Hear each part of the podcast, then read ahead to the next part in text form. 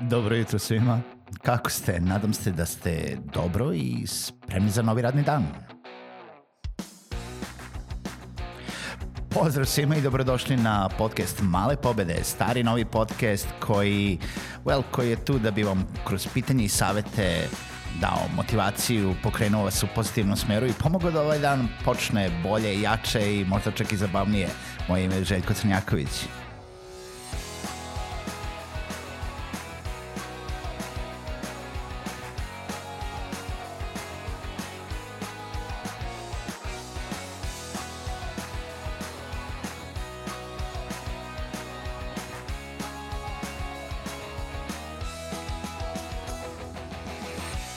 Pozdrav svima, dobrodošli u još jednu epizodu podcasta Male pobede. Kao što smo već videli, ove nedelje pričamo o nekom preduzetničkom putu, o usponima padovima, pa danas da Danas da pričamo o tome kako je u stvari raditi, recimo kada morate da jedan deo posla koji radite kao preduzetnik ne radite sami u stvari. Pre nego što dođete do odluke da li treba da zaposlite nekoga ili ne, nebitno da li je to neko ko vam pomaže kao neki asistent koji preuzima jedan deo vašeg posla ili je to neki deo koji treba da koji vi ne znate da uradite. Znači neki deo usluga koji nudite kao uh, firma, ali ne radite vi sami, nego možda imate, uh, morate da imate nekog saradnika za to. Uh, znači pre nego što dođete do momenta da, da uopšte odlučite da zaposlite osobe kod sebe, da budu vaši radnici, um, možda treba da razmislite o tome da li se da li vam je za početak dovoljno da uh, outsourcujete taj posao ili taj deo posla ili, i da na taj način ostvarite saradnju sa nekim. I sad to može biti neka osoba, bukvalno vi da zaposlite nekog freelancera za sebe ili možete da ostvarite saradnju sa nekom firmom najprostiji uh, delovi,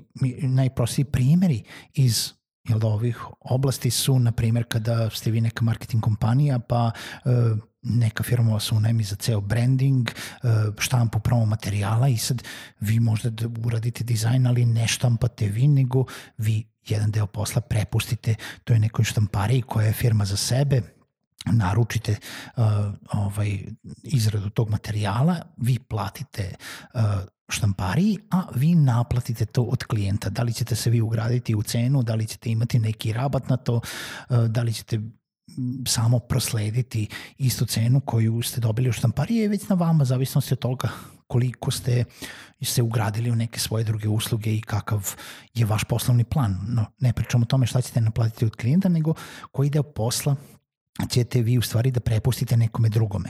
E sad, ovo su klasični primjeri. Može da bude isto tako primjer, recimo, u, u, u evo, primjer kao što ja radim, znači, e, cela produkcija animiranih marketing videa kod mene e, znači zahteva ceo produkcioni tim, od pisanja scenarija, kreiranja voiceovera, izrade storyboarda, ilustracija, animacija.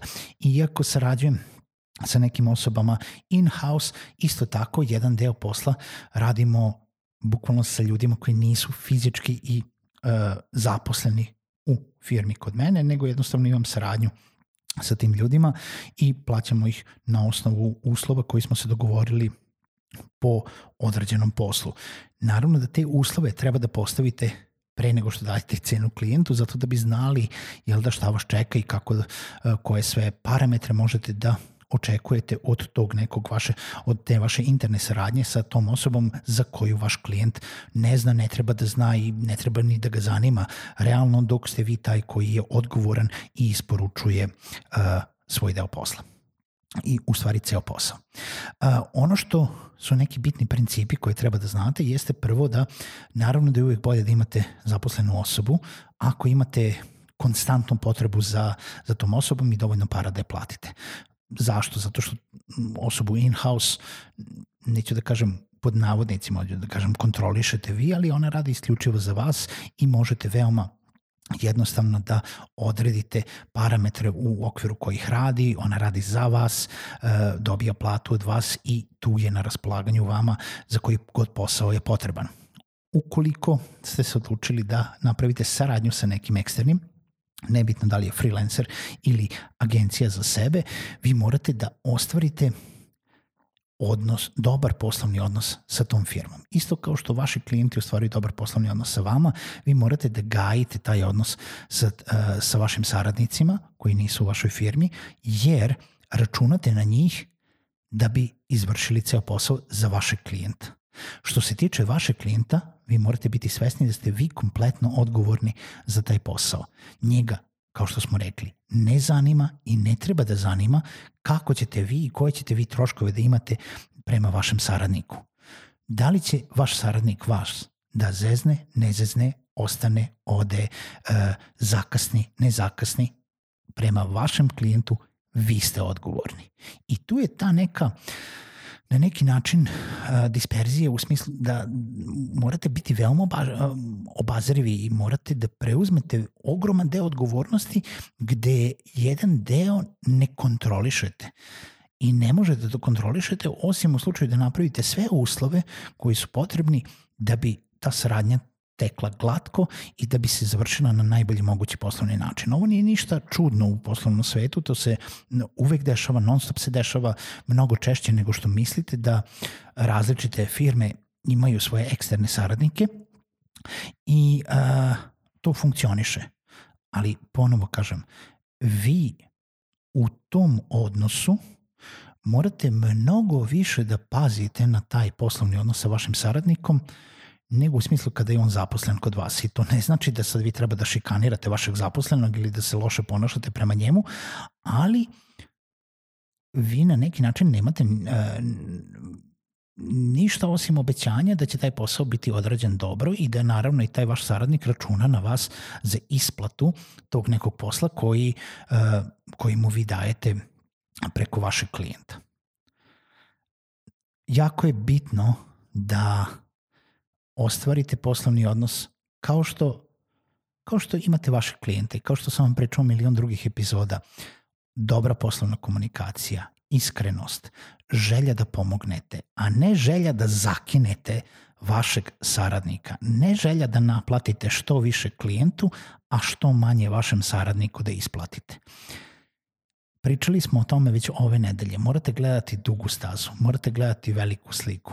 Morate znati da vaš deo treba da bude pravedan i treba da bude adekvatan, a ne da se, nije vam poenta da se obogatite na jednom poslu, niti se niti ćete se obogatiti na jednom poslu samo zato što ste zakinuli saradnika jedino što ćete da uradite jeste da ćete doći u situaciju da sledeći put kada vam bude trebao neće isporučiti na vreme, neće imati vremena za vas, neće hteti da sarađuje sa vama uopšte, a vi ćete onda morati da tražiti drugog, trećeg, petog, pročuće se.